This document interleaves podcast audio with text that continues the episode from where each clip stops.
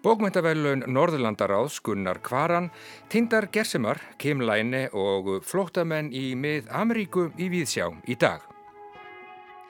Hattfríður Ólafstóttir flautuleikari verður tekinn tali í þættinum í dagum efnisgrá á tónleikum Sinfoníu hljómsveitar áhuga manna sem framfara í Seltjarnanes kirkju á laugardag. Hattfríður hefur mikið velt fyrir sér tónlistarsögunni að undanförnu. Hvernig ákveðin upp hafa þar verið hafinn til vex og virðingar á meðan önnur hafa fallið í glemskunnar dá. En á tónleikunum verða flutt í fyrsta sinn á Íslandi verk úr smiðju Fanny Mendelssohn Joseph Bologna, Alice Marie Smith og Emily Meyer. Meira um það í Víðsjá í dag, Gauti Krismansson, bókmyndagaggrinandi, hann fjallar í dag um skáldsöguna Valdimarsdagur eftir dansk-norska rétthöfundin Kim Læne, höfund sem að margir íslenskir lesendur hafa mætur á en bókin kom nýlega út í íslenskri þýðingu Jóns Hals Stefánssonar. Við ætlum líka að huga að tónleikum sem að framfara í Hannesarholti í miðborg Reykjavíkur á sunnudag til efnið er að eftir slettavíku fagnar tónskáldið John Spade 75 ára afmæli sínu. Þau Gunnar Kvaran, seloleikari og Helga Bryndís Magnúsdóttir ætla af þessu tilefni að frumflétja nýtt verk eftir Spade í Hannesarholti um helginaverkið nefnist Einu sinni var og er byggt á ör sögum Gunnar verður gestur okkar hér rétt á eftir. Og uh, Holmfríður Garðarstóttir professor í spænsku við Háskóla Íslands hún heldur áfram að uh, horfa til vesturs eins og hún hefur gert undan farna 50 daga hér í Víðsjá í februar í dag. Þá ætlar hún með hlustendur í ferðalag til mið Amríku og tala um flóttamenn. Yfirskriftin hjá Holmfríði í dag er vonir og væntingar. Meirum það hér á eftir en við byrjum í dag á frétt frá því morgun. Tillefningar til bókmyndaverluna Norðurlanda ráðs voru kynntar í Gunnarshúsi í morgun. Íslensku tilefningarnar skálsagan Levandi lífslækur eftir Berg Svein Birgisson gefin út hjá Bjarti 2018 og smásagnasafnið Kláði eftir Fríðu Ísberg gefið út hjá Partusi það sama ár 2018. Velunin verða aðfendi í Reykjavík þann 20. og 7. oktober næstkomandi alls 13 verk tilnemdi morgun skálsögur smásagnasöfn og um, ljóðabækur. Jórun Sigurðardóttir, þú fyldist með og fylgist með, já, Er eitthvað í þessu vali nú sem kemur þér á óvart svona í mjög fljótu bræði? Njá, kannski ekki beinleginn svo óvart en uh, það er alltaf gaman að sjá svona hvað maður kannast við og, og annars líkt og, og það sem er kannski fannst skemmtilegast að sjá voru dönsku tilnefningarnar. Já, já, já, Hassan sem að, Hassan segi ég sem að uh, kom jú hinga til Íslands hvað 2014 eftir að hafa sko gert allt vittlust í Danmörku með fyrstu ljóðabóksinni sem að bar nafnið hans, já já og þessi bók gerur það enda líka, hún heitir Já já tvö. Mm -hmm. og uh, hann er nú búin að, uh, sko, að vera fréttaefni í middeltíðinni, var dæmdur fyrir, uh, fyrir eitthvað ofbeldi. Og til fjóra mannan fangilsisvistar áfríaði og var síknaður í hæstarétti og það voru spennand að sjá þessa bók en hinn bókin sem Danir tilnefna er ekki síður áhuga að vera fyrir okkur Íslandinga mm -hmm. nefnilega Háhávaf sem stendur vantarlega fyrir höfundin hann er Hóigard Víemóse og svo kemur einhver uh, samhljóða raunaduðsknallið í Amazonas hættir kannski ástfangin í Amazonas. En hann er Hóigard Víemóse hún hefur verið og er kannski ennþá búsetta á Íslandi. Allavega kemur hún hingað oft í heimsókn á tvo hálfdanska hálf íslenska drengi mm.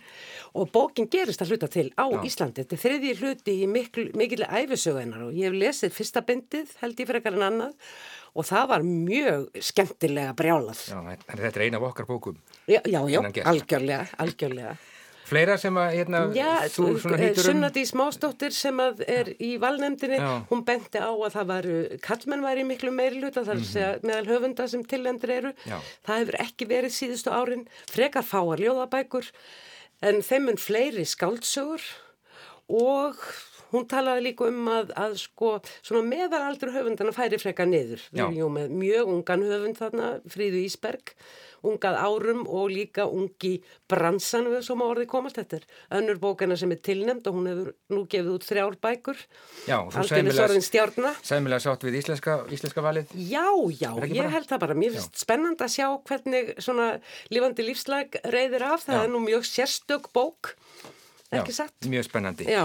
og ég ætla nú ekki að fara að byrja þig núna um að fara að veðja á sigurvegara strax það er eiginlega fullt snemt, þetta verður aðfendi í Reykjavík á okkar heimavelli já, já, í 27. oktober. Já, já, og ég ættir að lesa þessa bækur og segja hlustendum frá þeim einhver tíma svona eh, síðsumars og með haustinu. Nákvæmlega. Og meira um þetta ger ég ráð fyrir í þættinum já, orðum bækur á ráseitt á lögardagar, það ekki? Já, eins og ég segi, aðeins að nefna þetta. Sjáum hvað setur Jórun Sigurdóttir. Takk hella fyrir komin og við ætlum að snú okkur að tónlist hér í Víðsjá á 50 degi.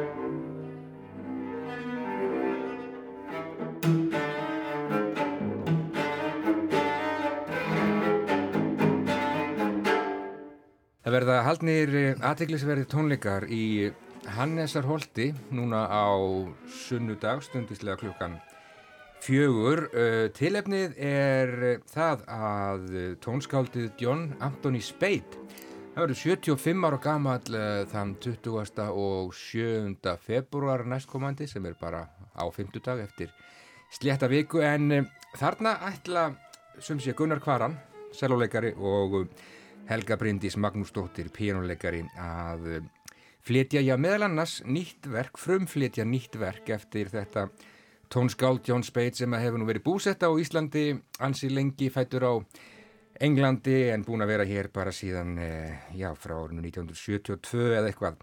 Verður velkomin í Víðsjá Gunnar. Takk að þið fyrir. Það er tilumni til að halda, halda þessa tónleika og já, já. nýtt verk, segðu mig frá því. Tvímarlust.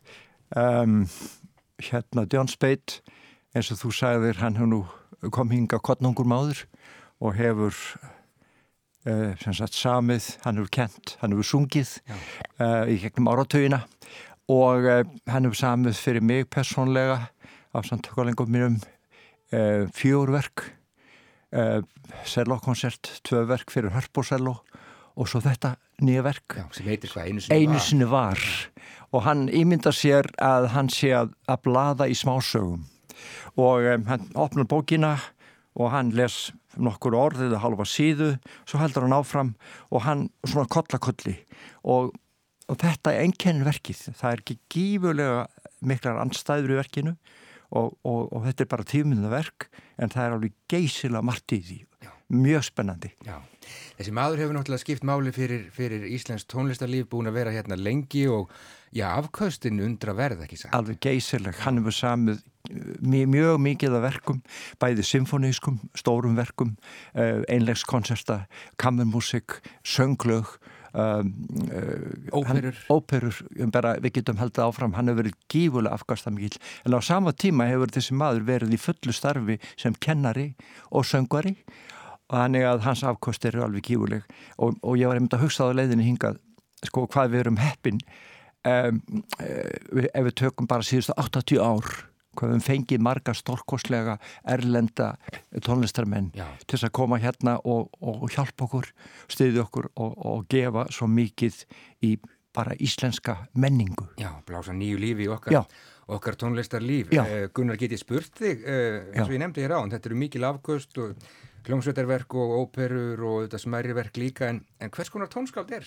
Er Tjón Uh, Speit, hvað, hvað einkennir tónsmíðar hans öðru? Um, John, já, John Speit er, sko, hefur algjörlega fyrst mér eh, mjög personlegt uh, tónmál mm -hmm. en hann segir uh, við mig, hann saði við mig núna þegar hann kom á æfingu hjá okkur Gunnar, sko, ég get ekki að það gert ég er romantíkur. Og mér fannst þetta dásamlegt sko, að, að tónskáld sem er að segja tólist í dag skulle segja þetta, en þetta heyrðis líka verkinu að, að, að hann er romantískur og hann er mikið aðdáðandi malers og ég man eftir því, ég heit hann eftir tónleika sem varður að leika maler og það sagði hann, já Gunnar þetta er tónlist mm -hmm. Romantík er fættur 1945 og Já. alin upp í Kólanámu bæ á, á Englandi norðanverðu Englandi Nákvæmlega. Já, En þið ætlið að, já, frumleitja þetta nýja verk í tilefni af afmælinu á sunnudag en þið verður nú þarna með já, þokkarlega spaða svona til liðar, ekki satt? Jú, við flytjum uh, afskaplega fallega sónutu eftir Vivaldi um, hann samti náttúrulega gífulega mikið á tónlist þegar hann var með, með skólan sem fræga í, í Fenegjum, Stúrknarskólan sem hann samti svo mikið fyrir, það er alveg undravert svo, svo hérna flytju við uh, verk eftir Beethoven, það eru tólf tilbyrði um, um stef úr oratorjunu Júdas Maccabeus eftir Hendel, því að það nefnilega alltaf sérstatt með Beethoven. Hans uppáhaldstónskáld var ekki Bach heldur Hendel svo lesa að, að það er mjög skemmtilegt. Og svo þegar við erum búin að frumflýtja verkið eftir John Spade þá endur við á því að spila þessu dásamlegu um, fantasístöku eftir um, Schumann. Já, já Hljómar, hljómandi vel, Gunnar, er alltaf ja, gaman að, að já, kynast nýjum verkum og, og fást við nýjum verk og frumflýða nýjum verk. Alveg, alveg tvímarlöst og, og það er eiginlega bara, er manni nöðsennlegt því að auðvitað er maður að spila oft söm, sömu verkin aftur sem betur fer, þá getur maður gert á Íslandi og þessi stundum erfitt, það þegar ég var í 3 og í 20 ár þá eh, fengum við alltaf nokkuð tíman að spila samanverkið, það var alltaf nýverk og svo næsta program nýverk þannig að, að, að það er svolítið vantaklátt en, en núna á mínum efri árum þá hefur ég hugsað ég ætla að fá að spila þessi verk sem ég elska mest og halda áfram að gera það á meðan einhvern veginn er að koma að hlusta þau. Já, það gera ábygglega margir. Eh, John Spade, 75 ára gammal í næstu viku, tónskáldið John Spade og já, tónleikar af því tilefni í Hannesarholti klukkan 16 klukkan 4 á sunnudag. Nýtt verk eftir Spade frumflutt, það heitir Einu sinni var og um, þarna verða þau Gunnar Kvaran, selvoleikari og Helga Bryndís Magnúsdóttir pianoleikari og þetta verður áraðanlega mjög fallegt. Takk fyrir komuna í Víðsjá Gunnar Kvaran. Takk að þér innlega fyrir mig. Gangi er allt í hæginn. Takk. Takk.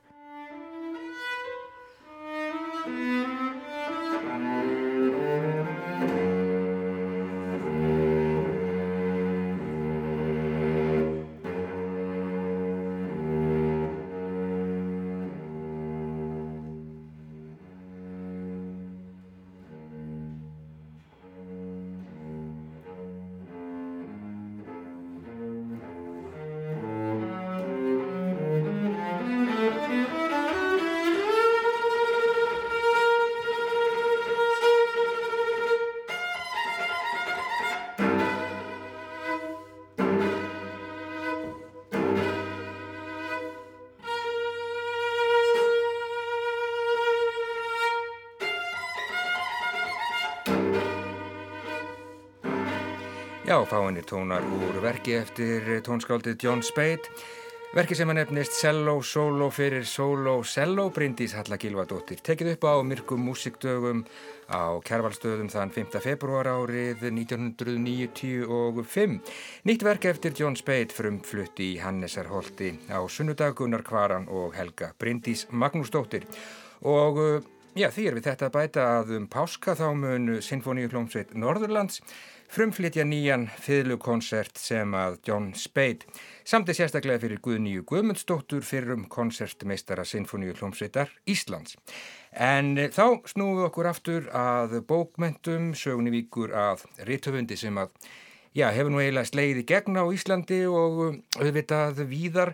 Kim Læne, hann er bæði danskur og norskur, þekktur fyrir skálsögur á borð við Kalag, spámennina í botleysu því og uh, Rauður maður, svartur maður, bækur sem hafa komið út í íslenskum þýðingum Jóns Hals Stefánssonar. Á dögunum þá kom út ný þýðing Jóns á skáldsögunni Valdimarsdagur eftir læni. Eh, þetta er bók frá árinu 2008 önnur skáldsaga Lænes. Gauti Krismansson, hann er búin að lesa og við skulum heyra hvernig honum líst á Valdimarsdag. Ógæfa í einhverju mynd verið stundum verið uppspretta skáldskapar. Þó eins og Steit Steinar taldi á sínum tíma í formi lífsáska. Skaldið má ekki verða ógefinu að bráð, en það þarf að komast nálægt henni, skinja hana til þess að geta miðlað ást, örvæntingu og já, raunverulegum lífsáska, sem mörg okkar hér í norrænu öryggi millistjættar skinja vart eitt augnablík frá vöggu til gravar. Mesta reyðaslæði er þeirra amma á afidegja eða foreldrar og sískinni vegna veikinda fyrir aldur fram. Annars líður okkur eins og við síum hólpin og fáum það staðfest með erlendum hörmungarfréttum á hverjum degi. Dansk-norski og að hluta til grænleinski höfundurinn Kim Laine hefur áræðanlega fundið lyktin af ógæfin í eigin lífi og ekki síður í fjölskyldusögu sinni eins og hann lýsir hvori tveggjað einhverju leiti í fyrstu bókum sínum Kalak og Valdimarstegi sem komu út 2007 og 2008. Svo síðar er ný komin út á íslensku en svo fyrir kom út 2017. Auk þeirra hafa komið út tvær bækur í svokvöldum Grænlandstríleik hans, Spámennir í Botlesu fyrir 2015 og Rauður maður, Svartur maður 2019 og var svo fyrrnemdar eina fyrsta bókin sem kom út eftir hann á íslensku. En allar fjóra þýtti Jón Hallur Stefánsson og hefur haft nóg að gera. Því tvær þar síðastnemdu eru miklar skingur eins og þjóðverinn kallar Doranda. Þýðing Jóns Hals á þessari bók er greinlega vönduð og þó ég hafi ekki haft ráðrum til að bera saman við frumtekstan þá er ljóst að hún stendur fyllilega fyrir sínu sem bókmyndaverk á íslensku. Þessi mikla útgáfa á danskum höfundi á aðeins fimm árum sætir tíðindum en reyndin er svo að hann nýtur mikill að vinsalda með að lesenda auk þess sem sumir telja hann til merkari höfunda samtímans á Norðurlöndum. Alþjóðlega er hann kannski ekki sömu deild og knáskort, en aðeins hefur verið þýttur einn bókarkapli eftir þann markfræga höfund á íslensku. Valdimarsdagur er einfalla saga föður af að Kims, segir á kápunni, og er ekkert farið í feli með það sem einhverjum hefðu hugsanlega þótt mega að liggja nærri, því hún segir í smáadriðum frá kaldriðuðu morði afans á kviðmái sínum og kunningja. Sagan fylgir aðeins skapalóni Dostojevskis í glæp og refsingu. Við fáum að fylgjast með morðin í upphafi, fylgjum síðan morðingjanum áleiðis og fáum einnig insýn í rannsókn málsins í formi laurugluskísla sem skotir inn í frásögnina, sem og endurlitum til fortíðarinnar. Þetta er afskaplega vel saman sett og ljósta höfundur hefur gott vald á frásögninni, sem þó er ekki næri eins dramatísk og hjá Dostojevski og þurrlegur naturalísku stílinn með lýsingum á örbyrð, vændi, svalli og heimilisofbeldi minnistundum á laurugluskíslu. Þetta stílbrað gerir frásögnuna mjög áhrifaríka. Um leið og lesandin fær að halda tiltekinni fjarlag frá öllu saman.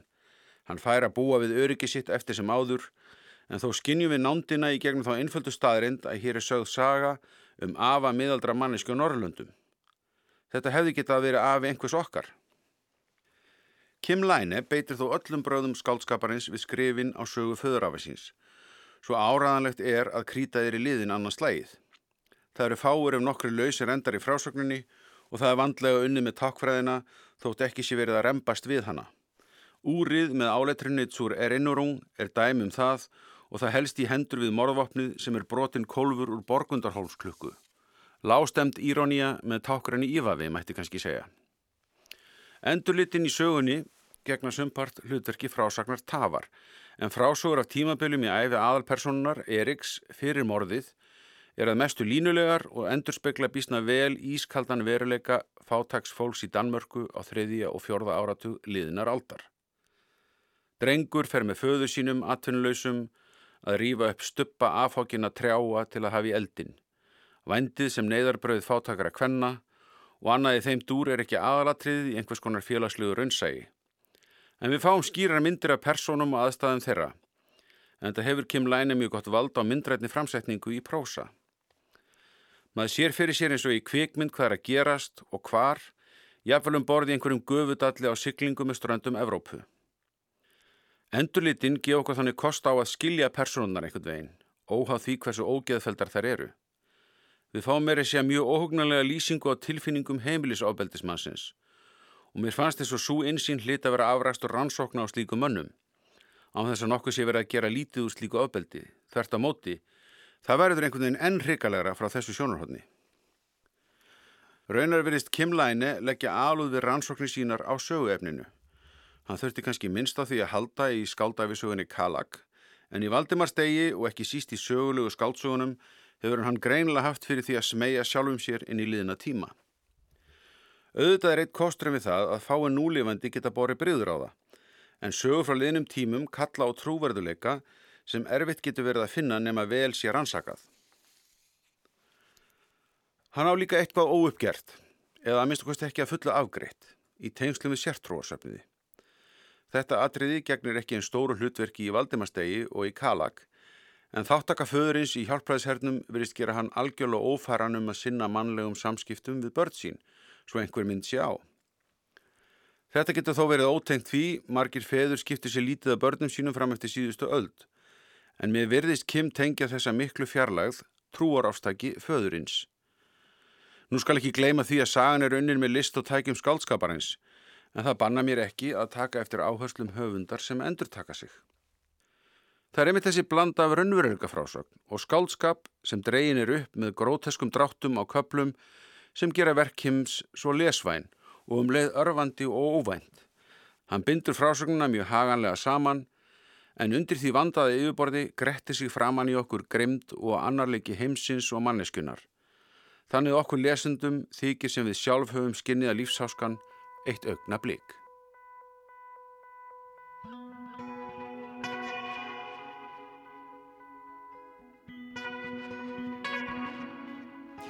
Segði Gauti Krismansson um skáldsöguna Valdimars dagur eftir Kim Læni, bók sem að kom nýlega út í íslenskri þýðingu Jóns Hals Stefánssonar. Já, Kim Læni, höfundur sem margir íslenskir lesendur hafa í hávegum held ég að sé óhægt að segja og um, ánægilegt að Jón Hallur Stefánsson skuli hafa tekið að sér að færa okkur bækur hans á íslensku. En uh, við förum heimshorna á milli hér í Víðsjá á fymtudegi höldum næst vestur um haf. Hólmfríður Garðarstóttir, profesor í Spænsku við Háskóla Íslands, hún hefur ferðast með okkur um Suður Ameríku hér í Víðsjá á 50 dögum í februar. Í dag likur leiðin til mið Ameríku. Við skulum halda af stað. Una pierna que respiran veneno de serpiente por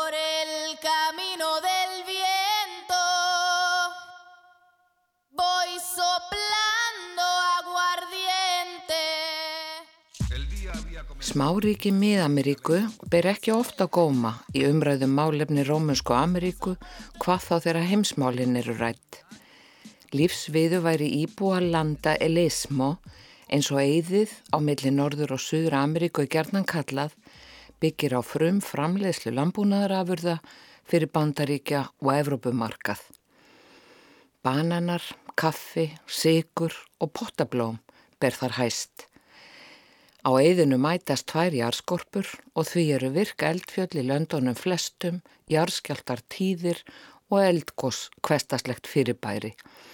Lönd eigðisins eru sjö, sé Belísi fyrir um nýlenda brettatæli með og þar búa rúmlega 40 miljónir íbúa. Náttúrufegur er óvíða meiri, veðusæld rómuð en stjættaskipting er gríðarleg. Þeir fáu sem tilhera yfirstilt lifa í fágætum munaði á sama tíma og smábændur og verkafólk rétt reygu fram lífið. Siðst leikur Panama sem nýtur nokkura sérstöðu vegna Panamaskurðarins sem skilja landinu umtalsverðin tekjum vegna umsýslugjalda og mútugreðisluna þeirra sem vilja komast hraðar eða óséðir milli Allandshafsins og Kirrahafsins Þar fyrir norðan er Kosta Ríka, þekkt náttúruparadís og mikið ferðamannarland. Næst til norðus likur Nicaragua sem telja verður nokkuð sér á báti.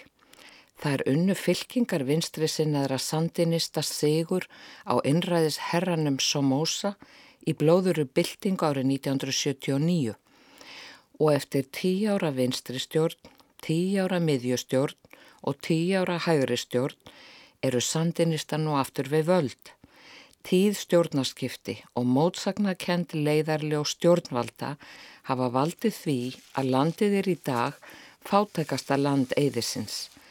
Talið er að um ein miljón nýgas, eins og íbor Níkaragu eru kallaðir, starfi við láleunastörfi Kosta Ríku, aðal í lambúnaði og við heimilishjálp. En norður af Níkaragua er svo þrýhyrningurinn svo kallað að finna. Það er smáríki Honduras sem er mikilvæg herstöð og fátækt leppríki bandaríkjana, El Salvador og Guatemala sem sjálfast ber á góma nema ef vera skildi vegna frétta af hrottafengnu ofbeldi og það á fríðatímu. Vertir að rifja upp að í síðan nefndu löndunum geysuðu grimmúðlega borgarastyrjöldur undir lok síðustu aldar. Dreggjar kaldastriðsins voru þá ennráðandi og stórvöldin lögðu stríðandi fylkingum til fjármagn, vopn og þjálfun. Hundruði þúsunda flóttamanna leituðu skjóls í bandaríkjónum. Ánþess þó að sérstök úrræði eða aðlögunadaskrá væri hönnuð þess vegna. Þegar börn þessa fólks uks úr grassi og varð ljós jáðar staða sín í bandarísku samfélagi, ekki hvað síst í stórborgum Kaliforníu, fóru þau að skipulegja sig í tiltekinn félagsmengi og hópa sem skáru sig úr Þörfin fyrir að tilheyra menningarlegu samfélagi varð ákallandi.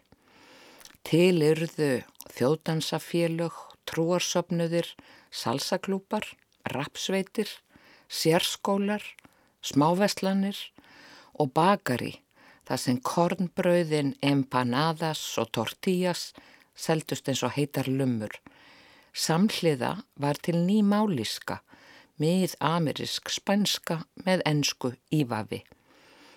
En undir niðrað kröymaði einnig óanæja, gremja og reyði sem varð kveikjan að stopnum glæpagengja eins og Mara Salvatruccia eða MS-13. En félaga þeirra fylgtu brátt fangagemslur borga eins og Los Angeles. Þegar Bill Clinton forsetta var bent á að lausn vandars gæti leiði því að senda einfallega þessa misindis menn aftur til síns heima samþyktan tillöguna. Undir aldamótin voru fyrstur rúturnar sendar áleiðis til San Salvador, höfuborgar El Salvador. Farþeónu var svo einfallega hlift út í miðbænum og máli dött. Eða þannig Áskorunum var jú rétt að byrja fyrir þetta bláfátæka og stríðshrjáða smáríki. Engin aðlögnadaskra var heldur, undirbúin í upprunalandinu og meðli með gengjana heldu uppteknum hætti. Í dag ráða þeir lögum og lofum í tilteknum hverfum borga eins og San Salvador, Tegucigalpa í Honduras og Guatemala borg og stuðlað ennfrekara óöryggi íbúana. Viðverðaðir og verknaðir á samt ráðalessi stjórnvalda og almennri fátakt stuðlað því að flottamannaströymurinn hefur haldið áfram allt eitt dagsins í dag þrátt fyrir friðasamkomilag og þróunaraðstóð. Aðal ástæðan er jú svo að unga fólki sér engin teikna á lofti um að lífsværið þess sé eða verði borgið í þessum smáríkjum þar sem landbúnaður og frumframlegsla eru aðal atvinnugreinarnar og þrældómur frá sólar uppbrás til sólalags heitlar það ekki. Því til viðbútar verður æg algengara þar eins og annar staðar að vélvæðingu vex fiskur um hrygg og ófælegt vinnuafl verður óþart. Óveður skýr hrannast upp og unga fólkið, það sem tökur er í, tekur sig upp í leita betri tíð og auðvita heldur það til norðurs.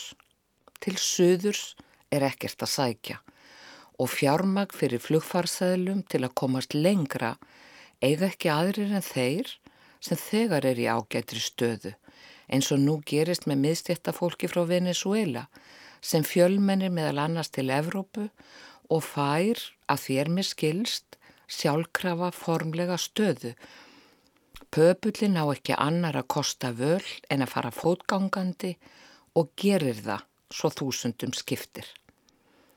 Talið er að á áraunum millir 2005 og 2010 hafi um 400.000 manns lagt upp í langferðina eftir endilangri Mexiko á ári hverju. Síðan þá hefur hann eitthvað rénað og tekið breytingum Lengi vel sapnaðist fólk saman á þögum vörulesta og la bestia eða óargadýrið eins og hún var kölluð var tákmynd flótamannaströmsins vestanhafs. Nú til dags fer fólk, eins og kom fram í fréttum í fyrra, fótgangandi í átti draumarlandsins en það ríkjandi svo ímynd að þar býði tækifærin í röðum fyrir alla þá sem tilbúinir eru til að leggja á sig mikla vinnu og að þar fái úlingar, bíl í amæliskjöf og hús í brúköpsgjafir. Og án þess að rekja þessa e, framhalds- og örlega sögu í smáadriðum má benda áhuga sömum á tvær nýlega kvikmyndir sem gerðar hafa verið og auðviltir að nálgast á veraldavefnum um sögu og aðstæður flóttamanna mið Ameríkuríkja. Annars vegar eru myndina Sin Nombre eða Nablaus frá 2009 að ræða.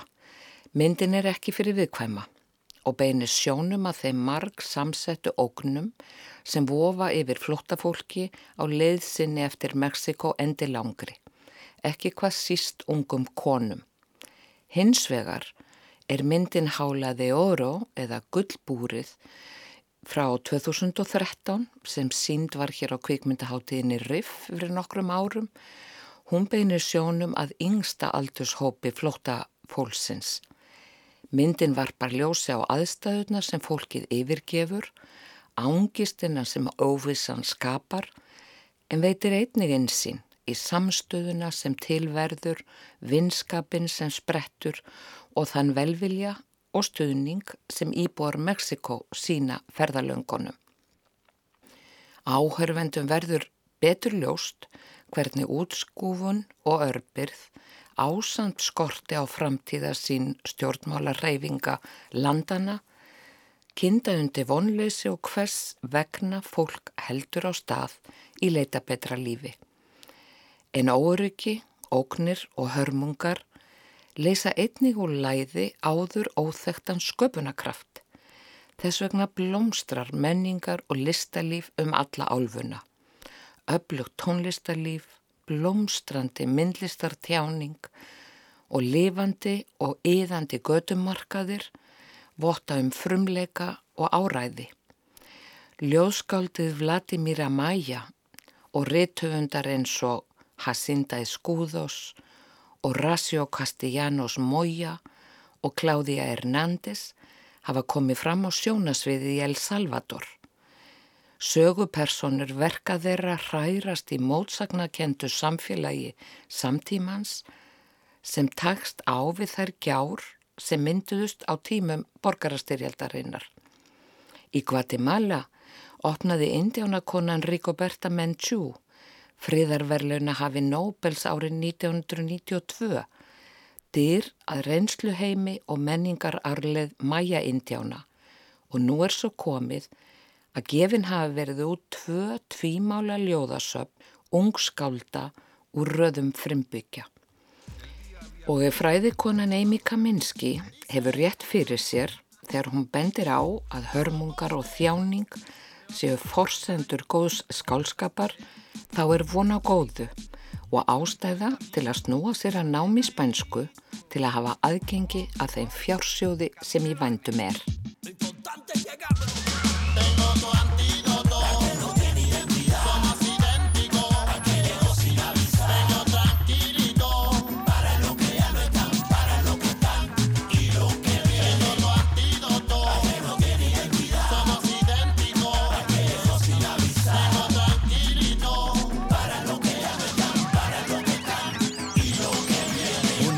Sin rumbo. La energía negativa yo la derrumbo con mis pezuñas de cordero. Propuse a recorrer el continente entero, sin brújula, sin tiempo, sin agenda, inspirado por las leyendas, por historias empaquetadas en lata, por los cuentos que la luna relata. Aprendí a caminar sin mapa, a irme de caminata, sin comodidades, sin lujo, protegido por los santos y los brujos. Aprendí a escribir cabronerías en mi libreta y con un mismo idioma sacudir todo el planeta. Aprendí que mi pueblo todavía reza porque las fucking autoridades y la puta realeza todavía se mueven por debajo de la mesa. Aprendí a tragarme la depresión con cerveza. Mi patrono yo lo escupo desde las montañas y con mi propia saliva enveneno su champaña. Enveneno su champaña.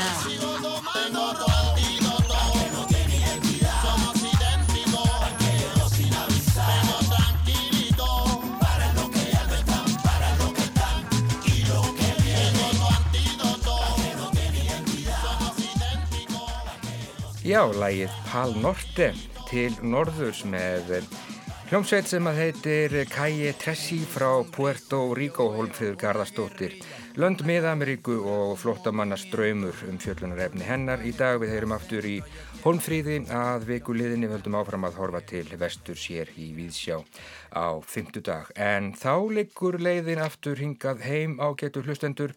Við ætlum næstu mínúturnar að huga að tónleikahaldi og tónlistarsögu. Sinfoníu hljómsveit áhuga manna heldur tónleika í Seltjardanes kirkju klukkan 16 á laugardag.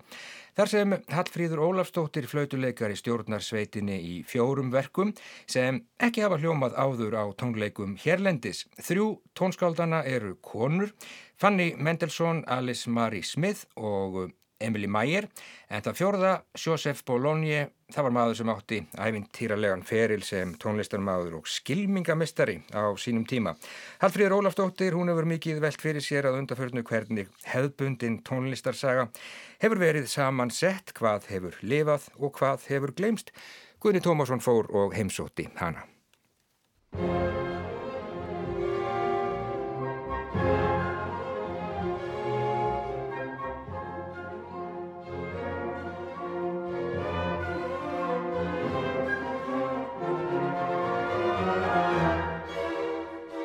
Þetta er nefnilega svo magnað ég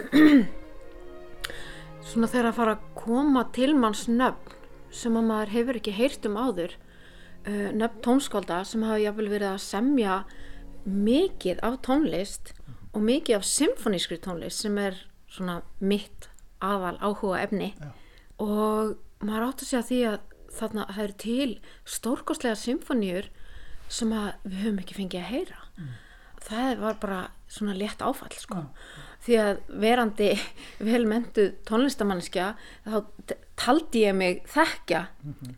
tónbókmennirnar bróður partin já, já, við teljum okkur vita uh -huh. hvað er til og við teljum okkur vita hvað er gott og við teljum okkur vita það að það sem hafi lifað sé vegna þess að það hafi verið best Amen. og hitt hafi bara tapast vegna þess að það hafi bara ekki verið nógu gott já, já. En svo er ekki raunin. Nei. Það er bara mjög langt frá því.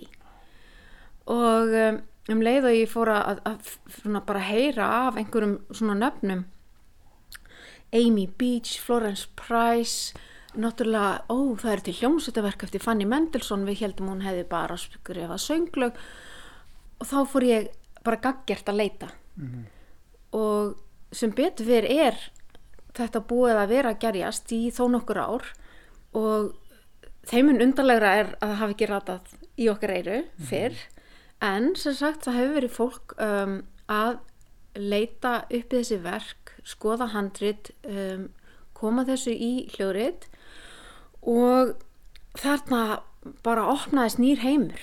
Og það er þarna nöfn eins og Emily Meyer sem að ánú við erum að fara að spila stóra symfóníu eftir mm -hmm. sem að sandi átta symfóníur fullt af forleikum, fullt, fullt af kamjumtónlist og, og, og, og sönglögum og bara eh, er með stóran verkalista. Og uh, þetta er frábær symfoníkar Já.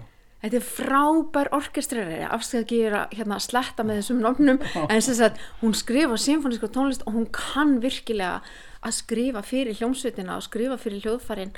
Og uh, já ég er bara agdofa yfir þessum aftur og aftur arfi yfir þessum fjársjóði Já. sem við erum að, að finna.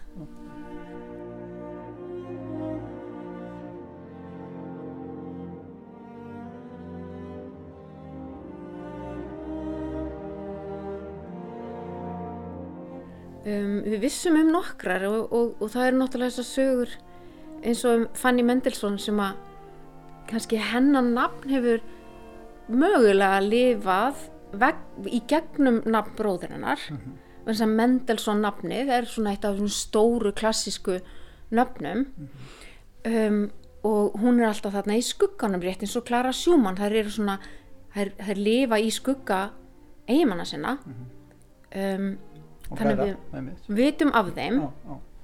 meðan að konur eins og Emily Meyer sem var ekki gift og stóð bara í þessu einn en, en mér finnst þetta svo aðtilsvægt að því að Fanny Mendelssohn er svona svo manneski sem að kannski fyrst kemur til manns með að, að, að við vitum að hún hafi skrifað fyrir symfóniljónsveit mm. og, og þá koma þessar sögur því fær maður að skoða býtu hvað hver var til dæmis aldersmunurinn á þessum sískinum mm. jú, hún fjórum árum eldri mm. og pappið þeirra kaupir til þeirra kennara og þau byrja að læra tónsmíðar. Þá er Klara 14 ára gömul en litli bróður er ekki nema 10 ára peð. Oh. þessi dýnamík held ég að viti allir sem eiga uh, sískinni oh. með þessu aldurspili er daldi mögnuð. Oh. uh, sískinni sem er fjórum árum eldri maður sjálfur virkar alltaf mjög fullorðið. En mér fannst það allavega þegar ég var lítil að mér var alltaf svo miklu miklu miklu stærri en ég.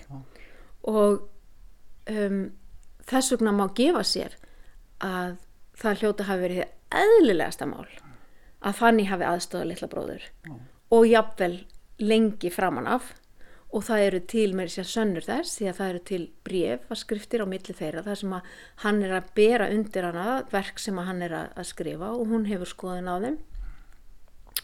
En svo er það sem að eh, fadir þeirra gefur út á þessa yfirlýsingu við börnin sín, já það er eðlilegt að Felix haldi áfram að semja, hann getur átt feril í þessu mm. en þú mönd ekki gera það, það hæfir þér ekki og bannar raunverulega Fanny að halda áfram að semja stoppar hann af stoppar hann af, ég minn hún er hann gjafvaksta hún á bara að verða eiginkona hún á sína húsmóðlegum skildum sitja og sauma en mm. ekki skrifa tónlist hún hættir held ég aldrei alveg hún, en eins og svo margar konur og jafnvel í dag þá svona lætur hún sér næja eða svona sækir í að semja minniverk mm. þá eru þetta píjánaverkin, sönglaugin með minni um, farri, minni áhöfn skulum við segja mm -hmm. og, og eina mínum uppáhaldsögum af þessum sískinum er, er svo þegar að Felix var á ferðalagi um England og Viktoria Englandsdrottning býðst til þess að syngja fyrir hann uppáhaldslægi sitt eftir hann. Og Felix var að viðkjanna það að hann ætti ekki þetta lag því að hún fann í sýstir hans eða samið það. Ah, en þannig voru um, suma verkunum hennar gefin út undir hans nafni því að það var ekki hægt eða þótti, eða þótti umverulega ekki við hæfi mm. að gefa út hennar verk undir hennar nafni því að það þótti ekki hæfa henni sem konu. Mm -hmm.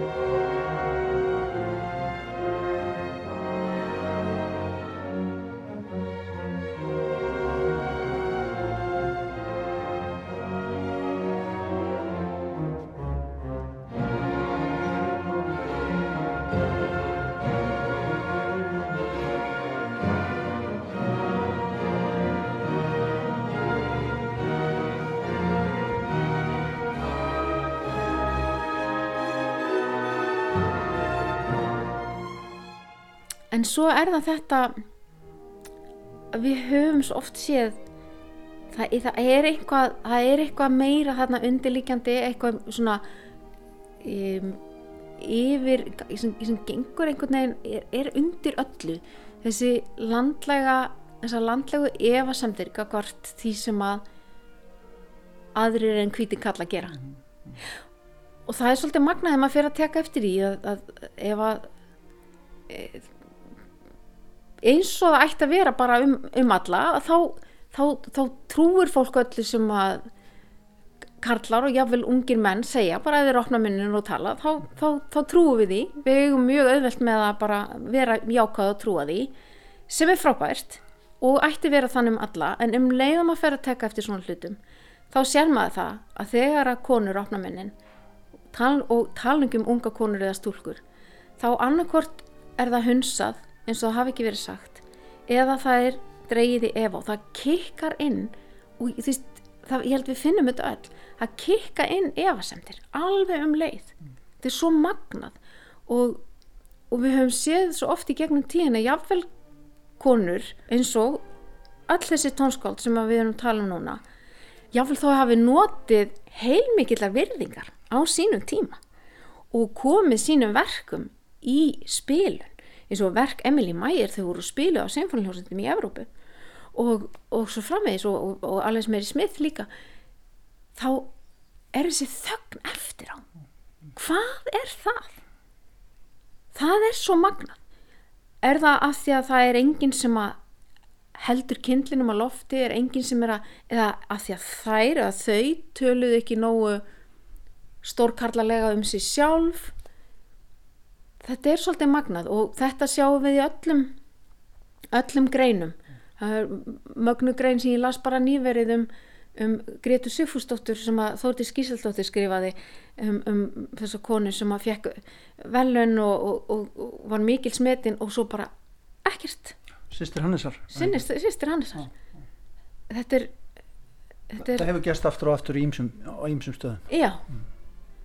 og þetta er eitthvað sem að einhver svona kervis villa sem við þurfum að taka eftir og breyta.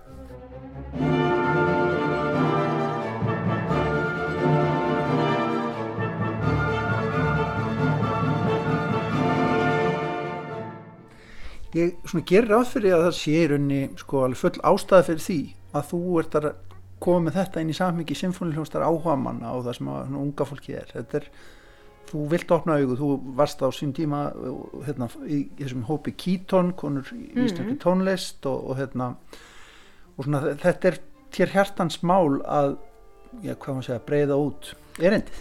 Algjörlega og þarna er vettvangur sem að hérna bara var alveg kjörinn um leið og ég kemst á snóður um svona verk þá sendi ég þið beint nýrast til Sinfoníljóstur Íslands uh -huh. um, og þar í verkefnum var snemd bara til að benda á, á verk sem að væri frábært að Sinfoníljóstin myndi spila þar á bæ gerast hlutinur auðvitað frekar hægt -huh. en hafa aðeins verið að gerast hafa heldur betur verið að gerast en af því það er svo stutt síðan ég komst á snóður um þessi verk uh -huh.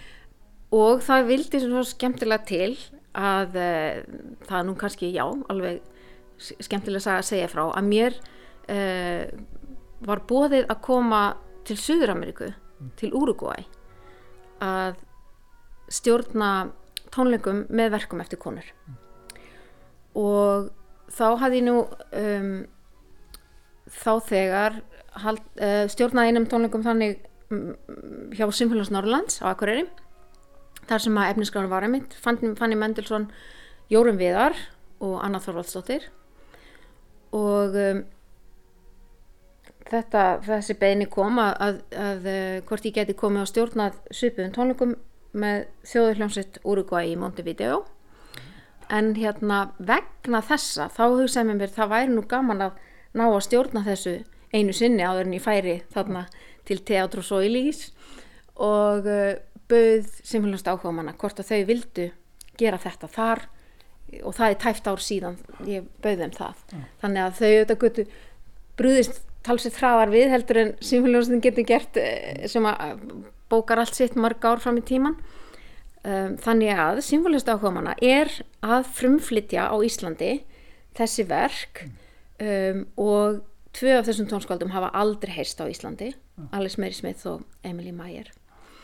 Þarna er mjög skemmtilegu vettvangur. Simlastu áhuga manna er náttúrulega alveg frábært fyrir bari og uh, skildi engin vann með þetta hvað flóra tónlistarlífs í hverju landi þarf og á að vera margvísleg. Ja og hér hefur þetta aldrei vantað áhuga manna flóruna nema áhuga manna symfóníinni ég veit til dæmis í, í Þýskalandi er mjög algengt að, að fólk sem hefur lært eitthvað á hljóðfari það hittist reglulega og leikur strengja kvartetta, pianotrió og svo framvegs um, þetta er eitthvað sem ég hugsa um svo lengi alveg frá því ég fór bráðung til eh, Holland sem mitt og, og, og hitti þar svona áhuga manna grúpur á námskeiði.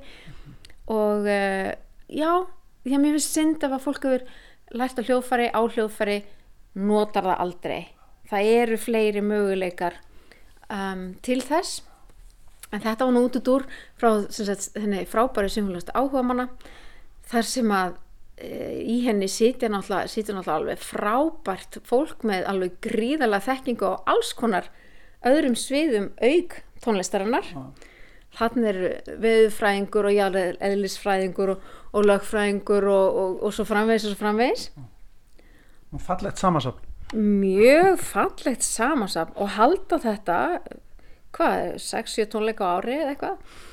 Og um, já, þetta er skemmtilegasta samstarf mm -hmm. og við hefum, þau æfa einu sinni í viku og þetta er búið að vera alveg stórkostlega gaman fyrir mig að, að, að vinna þessa splungun í efnisgrá mm -hmm. með þeim mm -hmm. Þetta er á lögadag hjá okkur og hvar verða tónleikarnir? Í Seltjarnarneskirkju þau æfa og, og spila í Seltjarnarneskirkju